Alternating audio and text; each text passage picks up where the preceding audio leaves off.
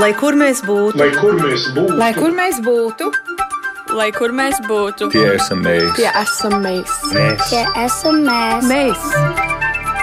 Tas ir par mums. Tas ir par mums. Tas ir par mums. Esiet sveicināti gada pirmajā raidījumā Globālais Latvijas 21. gadsimts, un mēs šodien studijā esam aicinājuši ārlietu ministrijas speciālo uzdevumu vēstniec diasporas jautājumos Elitu Gaveli, lai mēs kopā ar diasporas žurnālistiem apspriestu aktuālos 2023. gadā risināmos jautājumus, un tā kā šis ir raidījums, kas no Doma laukuma astoņi no Latvijas radio multimēdiju studijas raida tiešraidē, tad tam sekot līdzi jūs varat gan Latvijas radio mājaslapā, gan gan radio YouTube kontā. Es mudinu arī jūs, gan skatītāji, gan klausītāji, iesaistīties un uzdot savus jautājumus. Jūs varat arī dalīties savās pārdomās. Un to jūs varat darīt, ieejot Latvijas radio mājaslapā, sūtot tiešo ziņu šobrīd ēterā skanošam raidījumam, kas ir raidījums Globālais Latvijas 21. gadsimts. Un laimīgu gadu tātad es vēlu arī šodienas studijas viesiem. Un Elīte Gāvela, kā jau minēju, ir ārlietu ministrijas speciālo uzdevumu vēstniec diasporas jautājumu jautājumos sveicināti. Jā, labdien! Induls Bērziņš pārstāv portālu latviešu.com. Sveicināti, Induli! Labdien! Ir tā vadītājs.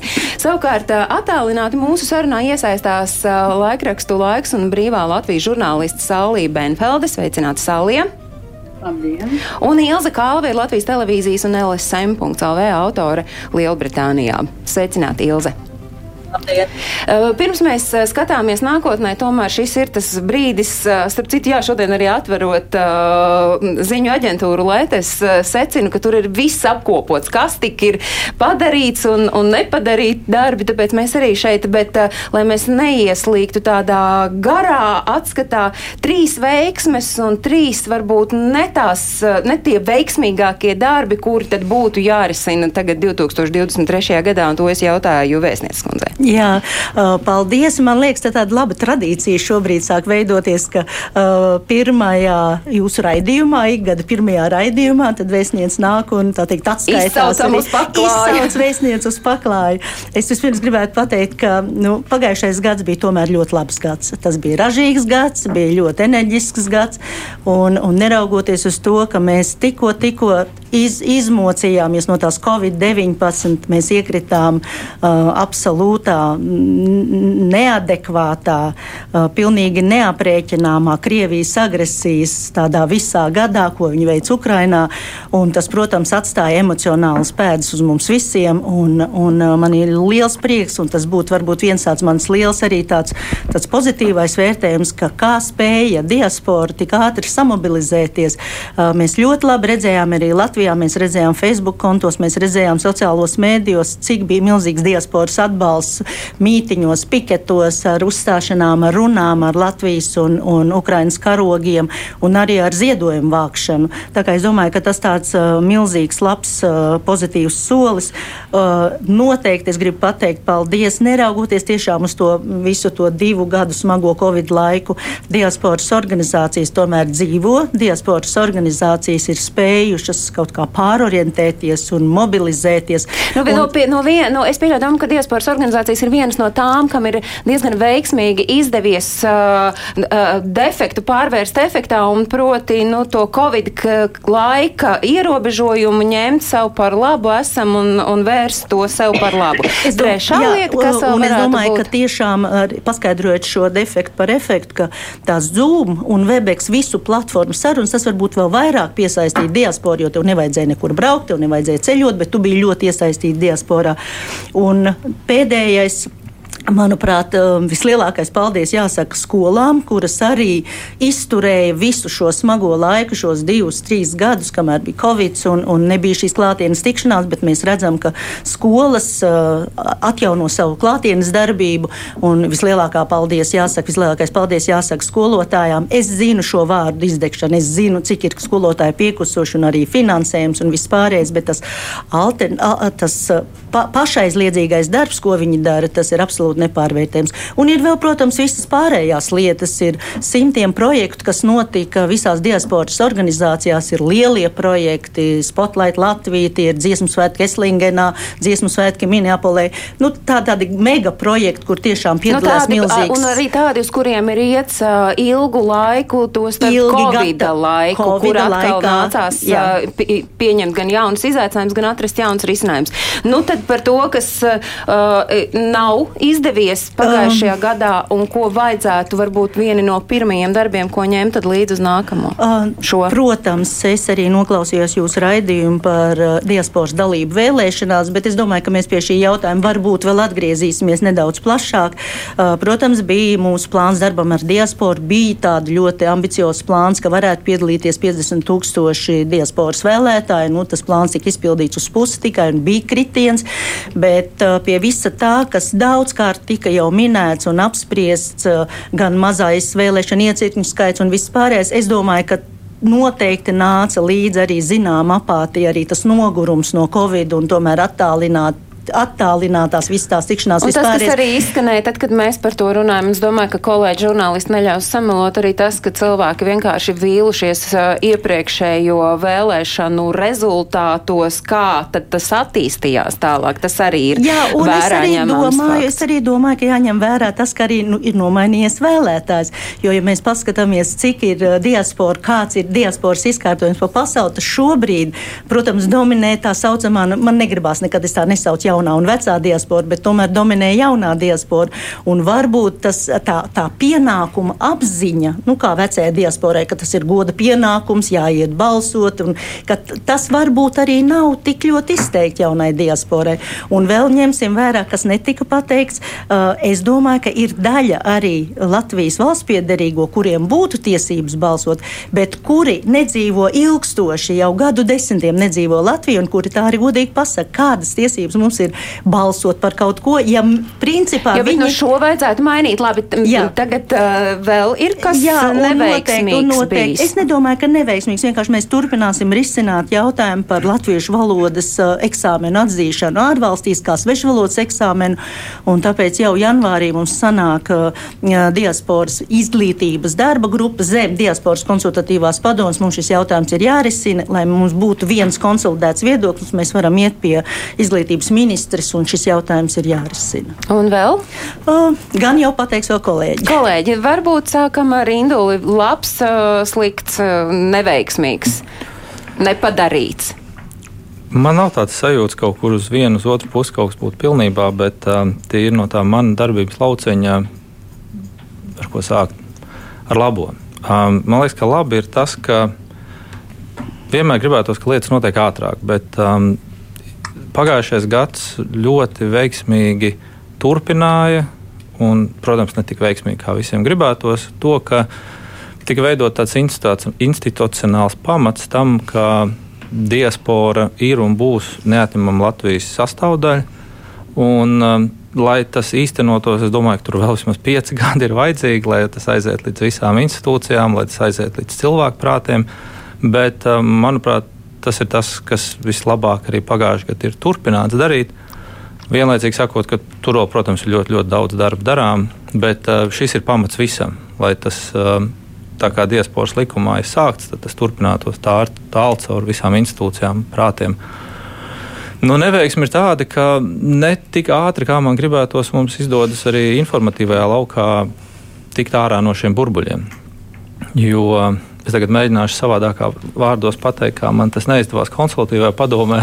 Agrāk drukātās avīzes bija labākais, kas bija izgudrots. Un, tā infotēlpa bija sakārtota. Un, un tā neveiksme šobrīd ir tāda, ka no gada uz gadu mēs paliekam arvien atkarīgāki no sociālo platformu popularitātes burbuļiem.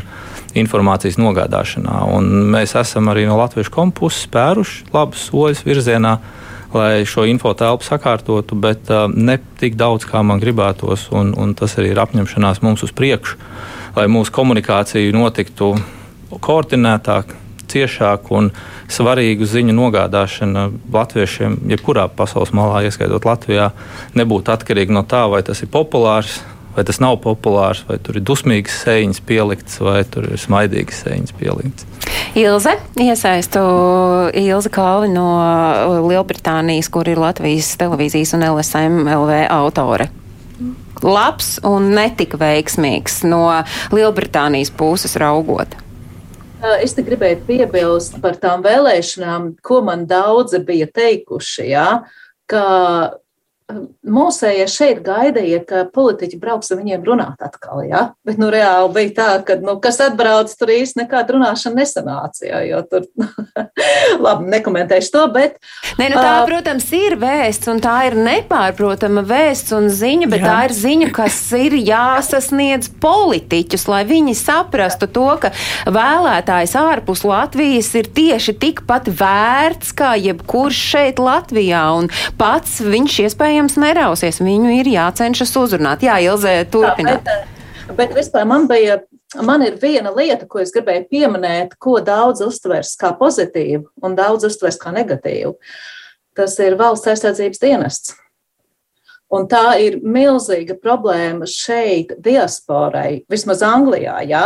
Jo ir cilvēki, kuri saka, jā, es gribu, jā, bet tāda ir ļoti, ļoti maz. Jā starp tiem, kuriem, uz kuriem tas reāli attiecās. Ja? Un, nu, par to var runāt un diskutēt, vai to vajag vai to nevajag, cik tas ir vajadzīgi. Ja? Bet, diemžēl, ir tā, ka pat tie cilvēki, kuri saka, ka viņi to labprāt darītu, ja? viņi saka, bet kā man to izdarīt? Ja? Es reāli nevaru pamest savu dzīvi, ja tur, piemēram, tiek īrēta māja vai dzīvoklis. Ja? Uh, varbūt ir ģimene, jā, un tas puisis ir vienīgais apgādnieks, jā, un tie, cik tur bija plānots maksāt 300 eiro papildus mēnesī, jā, to algu vai kaut kā tā, jā. Un tas reāli tas ir piliens jūrā Lielbritānijā. Varbūt citās valstīs tas tā nav. Un, uh, nu, varbūt, ka tiešām es gribētu aicināt uh, atbildīgos Latvijā padomāt par šo lietu, jo reāli cilvēki var atteikties no pilsonības, Latvijas pilsonības. Pat tā var būt. Ja mēs varam teikt, ka tas ir pareizi vai nepareizi, bet nu, vienkārši mēs radīsim sakas, ko mēs varbūt nespējam iedomāties. Te es uzreiz arī jautāšu vēstnieces kundzei, jo šis ir viens no tādiem aktuāliem jautājumiem. Kā jūs redzat, vai un kā diaspora var iesaistīties šī jautājuma risināšanā, un ko jūs no savas puses redzat, kas būtu tie darāmie darbi saistībā ar uh, valsts aizsardzības dienestu? Jā, valsts aizsardzības dienests būs mūsu dienas kārtībā līdz tam brīdim, kamēr tas tiks pieņemts, un, un godīgi sakot, man ir uh, gandarījums, ka tas netika pieņemts sasteigti vēl pagājušajā gadā, un ir šobrīd uh, būs būs uh, konstruktīvas un labas diskusijas. Un mēs jau 5. janvārī mums ir pirmā saruna ar Raimonu Bergmanu, kurš ir attiecīgās komisijas vadītājs, un arī uh, mūsu lielās organizācijas. Pasauli... Kas ir tas, ko jūs no savas puses no rosināsiet puses un mudināsiet? No savas puses mēs varam rosināt tikai diskusiju un atklātu sarunu Bet ar tiem cilvēkiem. Nu, vai tas, ko Ilze minēja, tas Jā, ir kaut kāds atalgojuma, da, nu, tas, uh, tas, tie, tas ir daudzums. viss komplekss. Kādā veidā šie cilvēki nokļūst šeit? Kā viņi salāgo savu darbu vai studijas ārvalstīs ar būšanu šeit. Kā var piemērot ļoti operatīvu alternatīvo dienestu? Mēs runājam ar Raimonu Bergmanu, iet runa sākumā par brīvprātības principu. Tas nenotiek tā, ka vienā dienā pēkšņi tiek visi diasporas jaunieši tiek kaut nu, kādā veidā mobilizācija. Tā nav mobilizācija karam. Un ko ļoti es arī dzirdu no diasporas organizācijām, vairāk skaidrot un vairāk izskaidrot šī plānotā likuma būtību un kādā veidā tas varētu skart. Bet tikai diskusijas, tikai konsultācijas un plašāka informācija par šo likuma projektu. Bet nu, jūs, piemēram, pati zināt, kas ir tas, ko diaspora domā. Labi, tagad mums ir viens, mēs no Ilzas dzirdam, kas, kas viņu ir sasniedzis. Vai jums ir vēl kādi avoti, kas jums atnes informāciju par to, kas tad saistībā tieši ar šo konkrēto jautājumu ar valsts aizsardzības dienestu ir aktuāls diasporai? Diaspora ir jautājums tieši tas, ja diaspora ir attiecīgā armija, jau ir diasporas mītnes zemē. Cilvēks jau tur nodienējis. Tas nozīmē, ka otrais viņam nevajadzēs dienēt. Arī par šo samaksu, arī jautājums par to, vai tiks realizēts tā iecerē, ja tu nodieni Latvijas armijā, ka tu vari pēc tam iestāties augstskolā, vai tiks atrisināts šis jautājums, jo tas ļoti daudziem diasporas jauniešiem būtu ļoti svarīgi. Ja viņi izdien armijā vai 11 vai 12 mēneši, viņiem ir šī iespēja pēc tam studēt Latvijas augstskolā bez maksas. Viņi iekļūst šajā bezmaksas uh, valsts apmaksātajā grupā. Ir ļoti daudz jautājumu. 5. janvārs mums ir pirmā diskusija, līdz 10. janvārim jāiesniedz priekšlikumi komisijai. Skatīsimies, ELA gatavo savus pārdomas, PBLA gatavo savus pārdomas, ir pārdomas Austrālijai. Man bija ļoti labi dzirdēt, tiešām šī, šī, šī labi, ka Ilzi to arī pieminēja. Tiešām, tad, kad vēstniek, mūsu ministrs atklāja mūsu vēstniecību Austrālijā, bija tikšanās ar visām lielāko pilsētu latviešu organizācijām.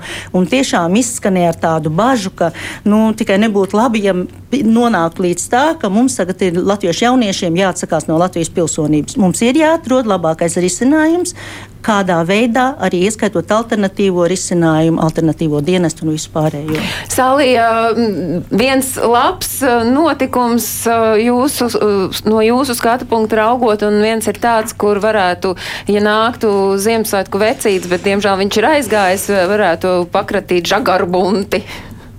Nu, es gribu teikt tā, par labajām, labajām lietām es nerunāšu. Es domāju, ka vēstniece viņas jau pieminēja un, un, un daudz, un kuplā, kuplā bučetē. Es runāšu par to, kas, manuprāt, pēc no manas skatījuma, es tomēr dzīvoju, esmu Latvijā, vai ne? Kas ir no manas skatu punkta?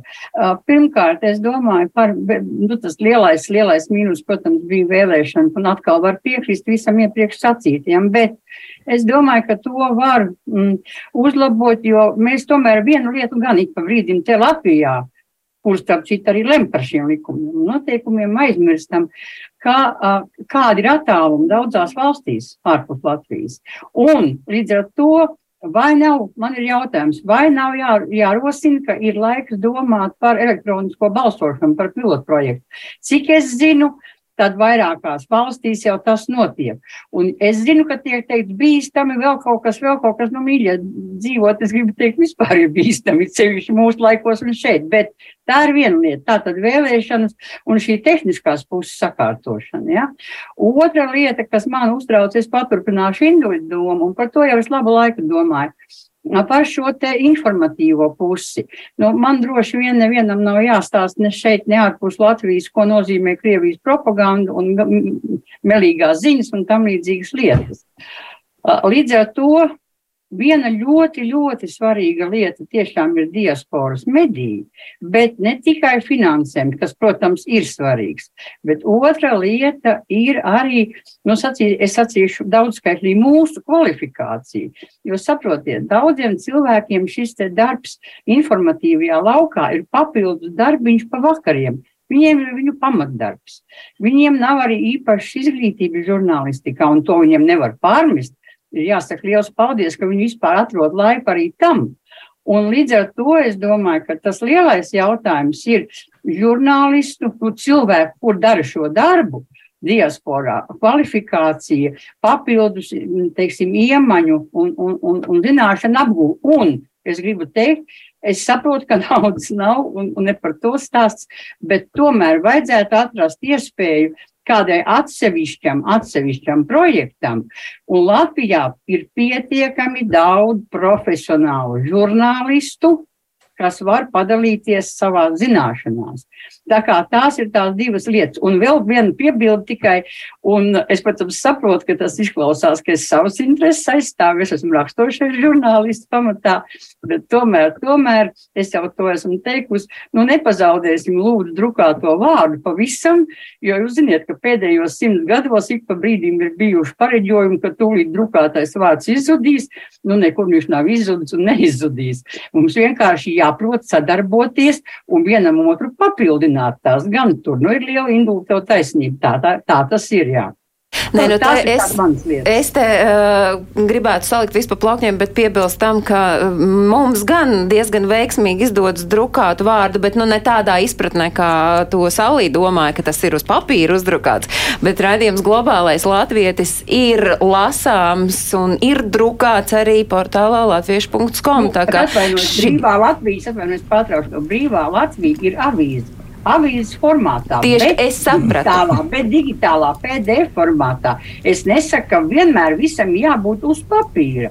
Lai gan daļa diasporas, protams, ir sevišķi laikam Amerikā un vēl šur tur, nu viņi dod priekšroku šim, šim, šī avīzē. Nu, ko tu padarīsi? Mēs jau arī, mums ļoti daudziem joprojām patīk labāk la, lasīt grāmatu, turot to rokās, fizisku grāmatu, un nevis sēdēt pie ekrāna. Es esmu viena no tiem, es nevienu, nevienu vēl tādu grāmatu neesmu izlasījis, bet es tagad da, gribētu tomēr, tomēr, tomēr ja drīkst, es, papildināt Zālī, bet vai mēs varam, protams, sākt no mediju puses, bet man liekas, ka tas būs plašāks temats, tāpēc es tam pirmajam par vēlēšanām. Tā tad viens ir, protams, ka ir šis vēlēšanu iecirkņu trūkums bijis vēl arī bez tā, ka netika uzrunāta vispār auditorija no politiķu puses diasporā.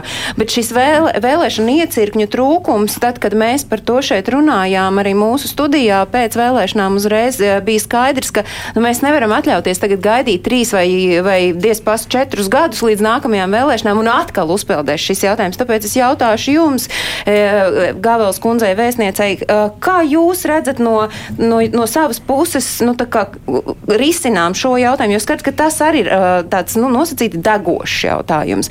Gan par to, vai vēlēšanu iecirkņa izveidēji ir nepieciešams 36 cilvēku paraksts, jo tas ir viens no iemesliem, kas arī bremzēja vēlēšanu iecirkņu atvēršanu. Jā, paldies.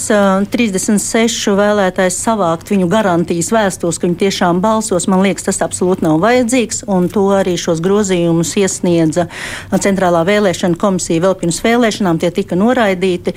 Uh, noteikti vēlēšana iecirkņi ir svarīgi un noteikti ir svarīgi diasporai.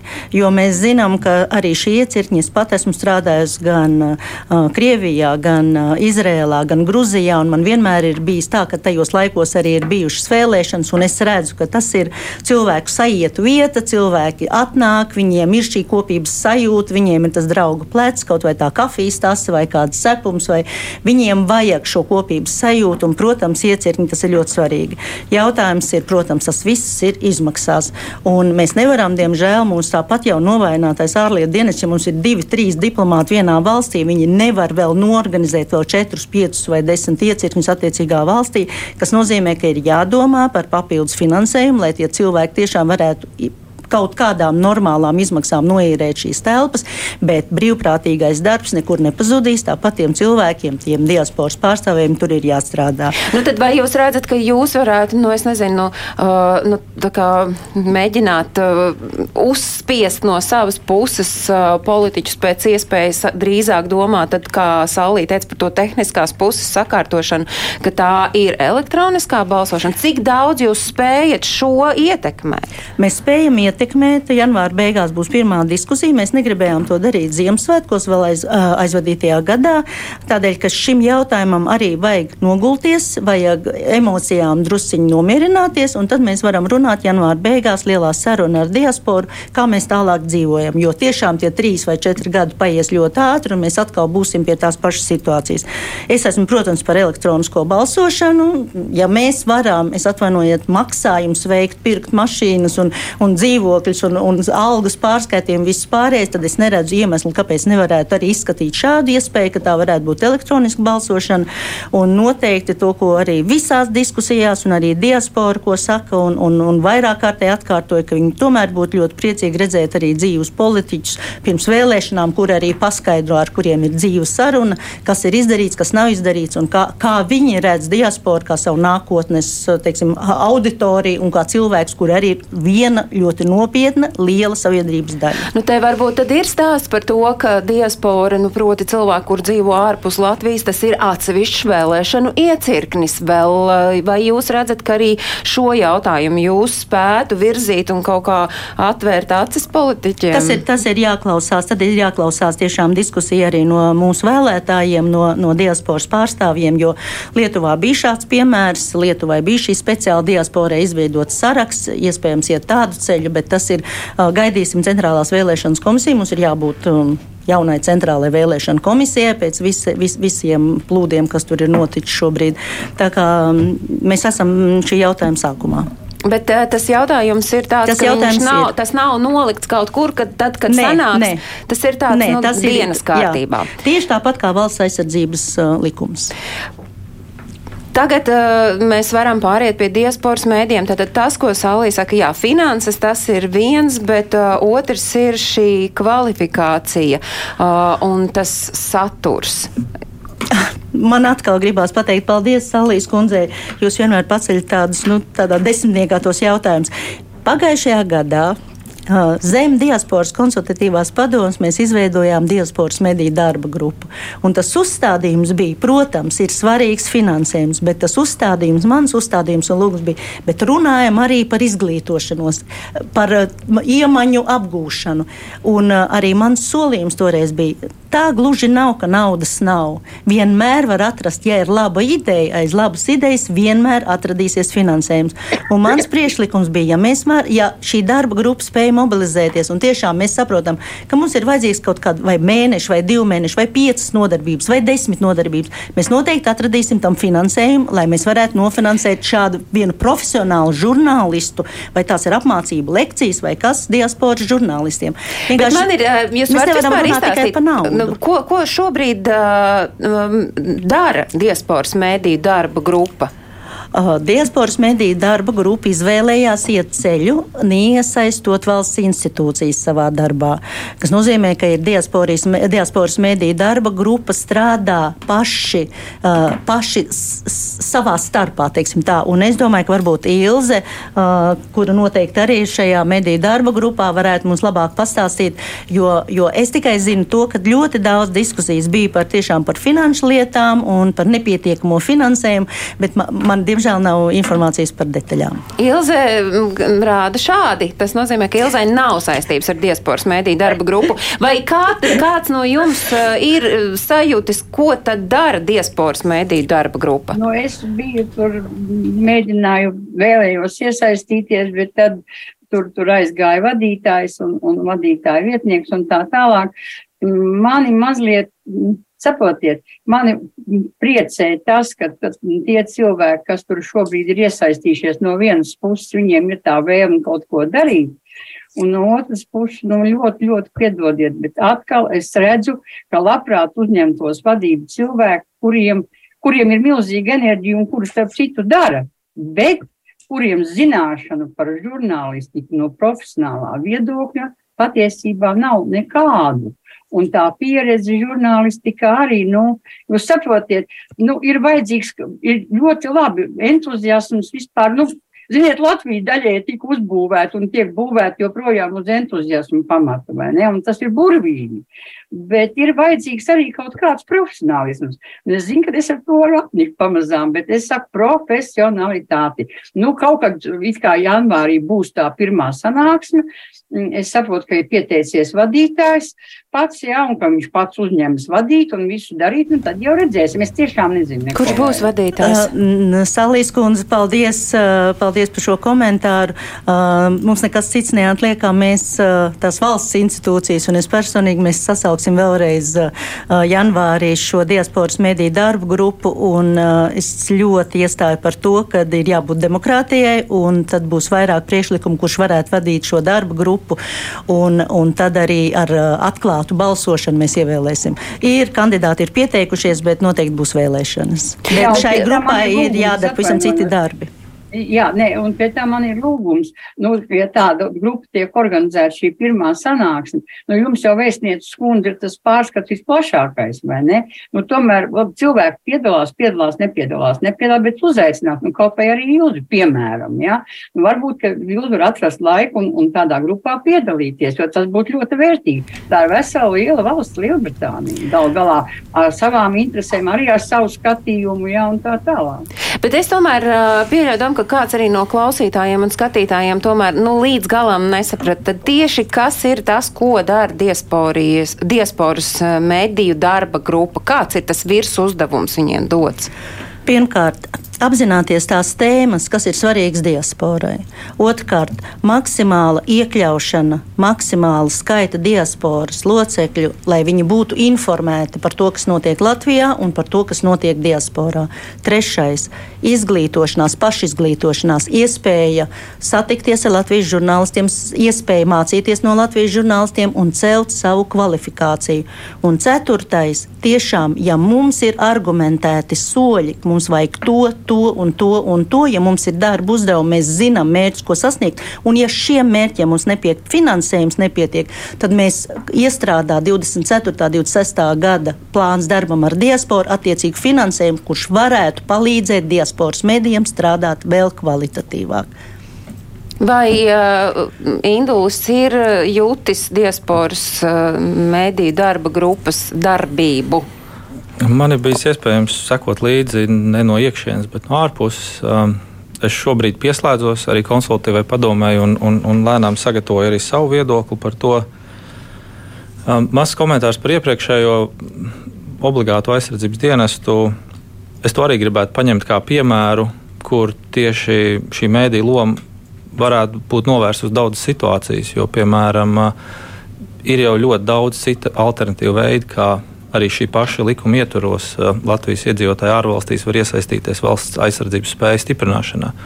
Un, ja tas būtu bijis veiksmīgāk komunicēts, tad lielā mērā arī tā sabiedrības noskaņa nebūtu bijusi tik negatīva. Jo, manuprāt, līdz lielākajai daļai cilvēku aizgāja tikai tie skandalozākie virsraksti bet neaizgāja tās praktiskās, dažādas citas jau šobrīd paredzētās reālās iespējas.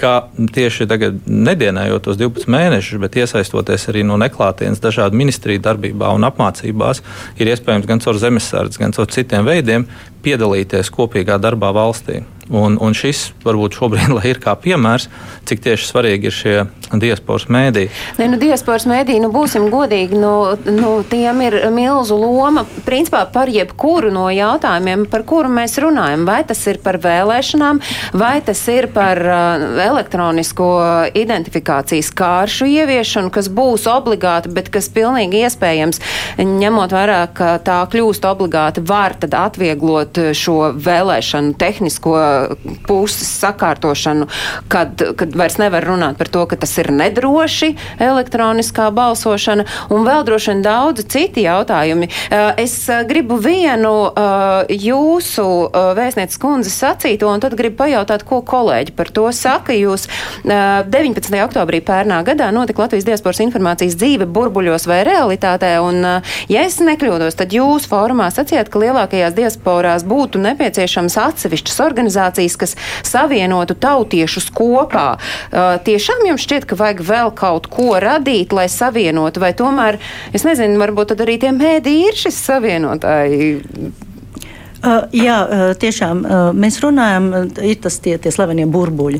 Uh, nu, būsim godīgi. Godīgi sakot, mēs arī Latvijā dzīvojam zināmos nu, burbuļos. Nu, protams. nu, mēs nekad nebūsim tādi, kad mēs būsim vieni kopīgā diasporas 420 tūkstoši vienā lielā burbulī. Tas nozīmē, ka ir organizācijas, ir intereses, ir kolektīvi, kori, dejas, vispārējais. Bet tieši diasporas mediji varētu būt tieši tie, kas, kas, kas apmainās ar šo informāciju informāciju un vismaz dalās ar šo informāciju un maksimāli informē par viena burbuļa aktivitātēm, tad cits burbulis uzzina tieši caur šiem mēdījiem. Noteikti nekādas atsevišķas institūcijas, bet to, ka noteikti vajadzīgs ir viena lieta, kas ir ļoti svarīga, un mēs to esam runājuši arī ar Pēteru Blumbergu, ar PBLA valdes priekšnieku.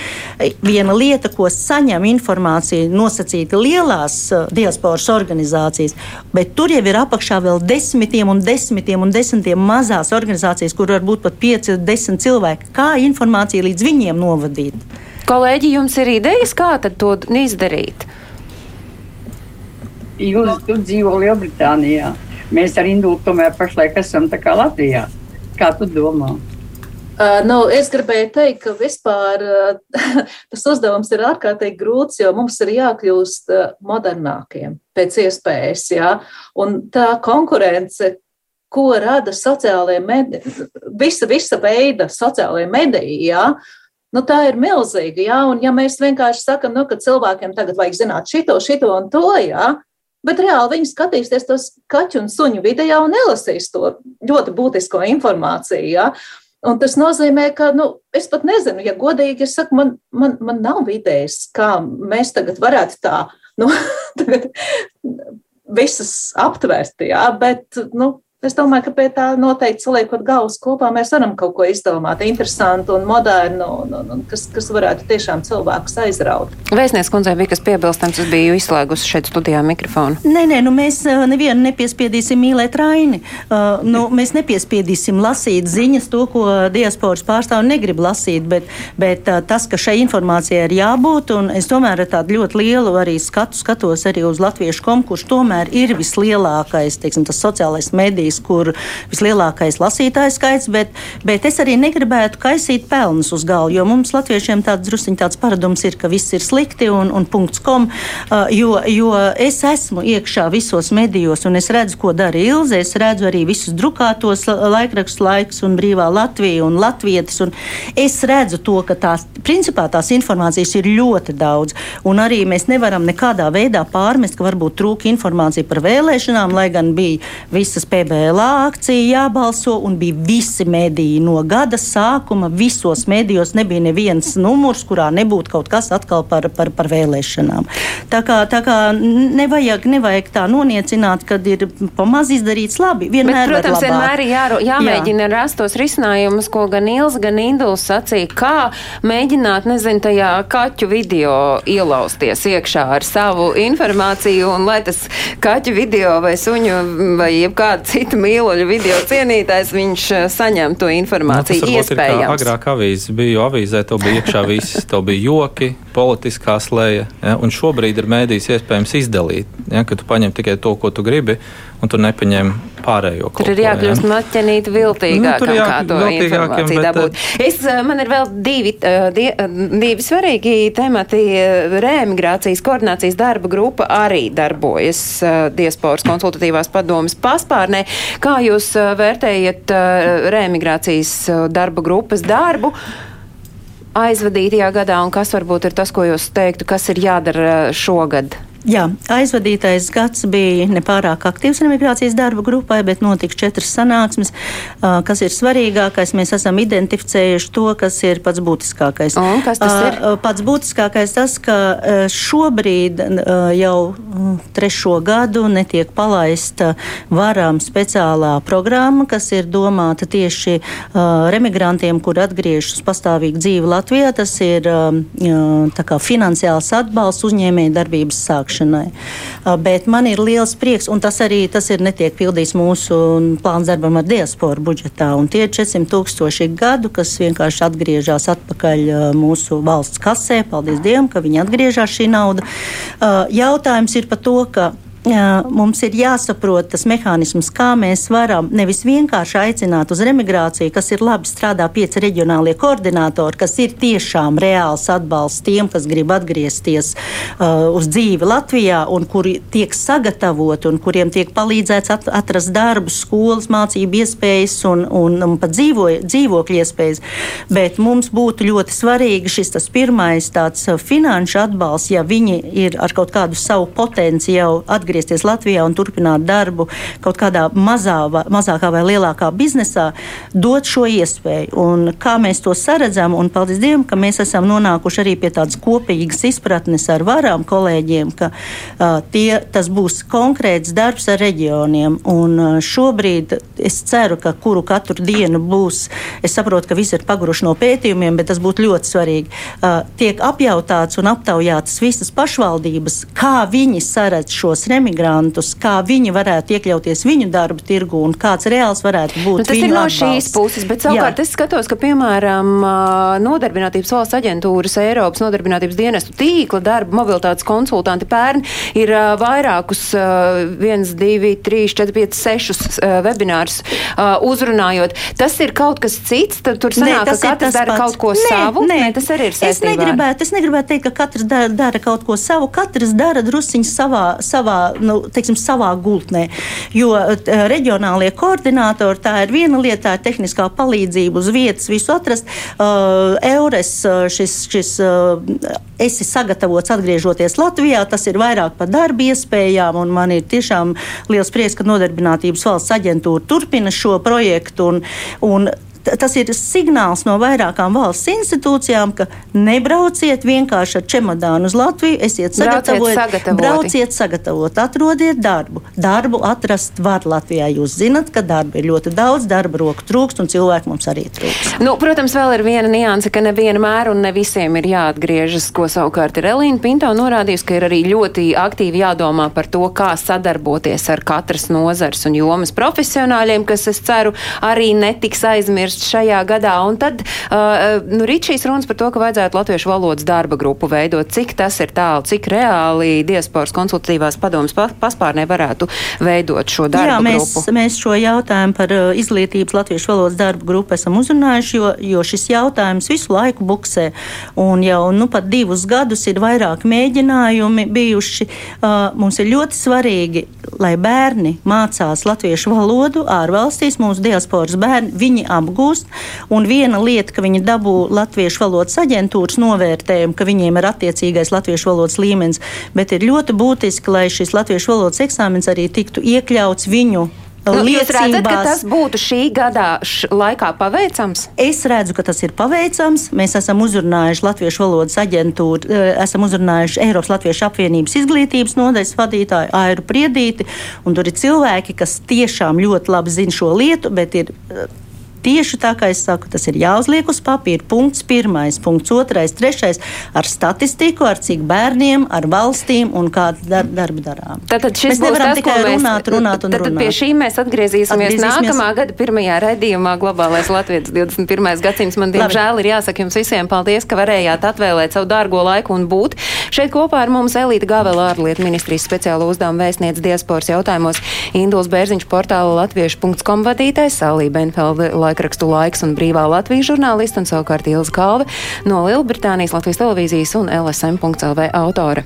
Es saku, ka tas, kas jums ir noteikti jāpaskatās, jums ir portālā latviešu kom, ir jāpaskatās aktuālo notikumu kalendārs, lai jūs neko nepalaistu garām, skatoties to skaķu video. Un atgādinu, ka redzījums globālais latvietis 21. gadsimts pie jums nāks atkal nākam pirmdien, bet savukārt atkārtojums skan svētdienā uzreiz pēc ziņām trijos. Atā!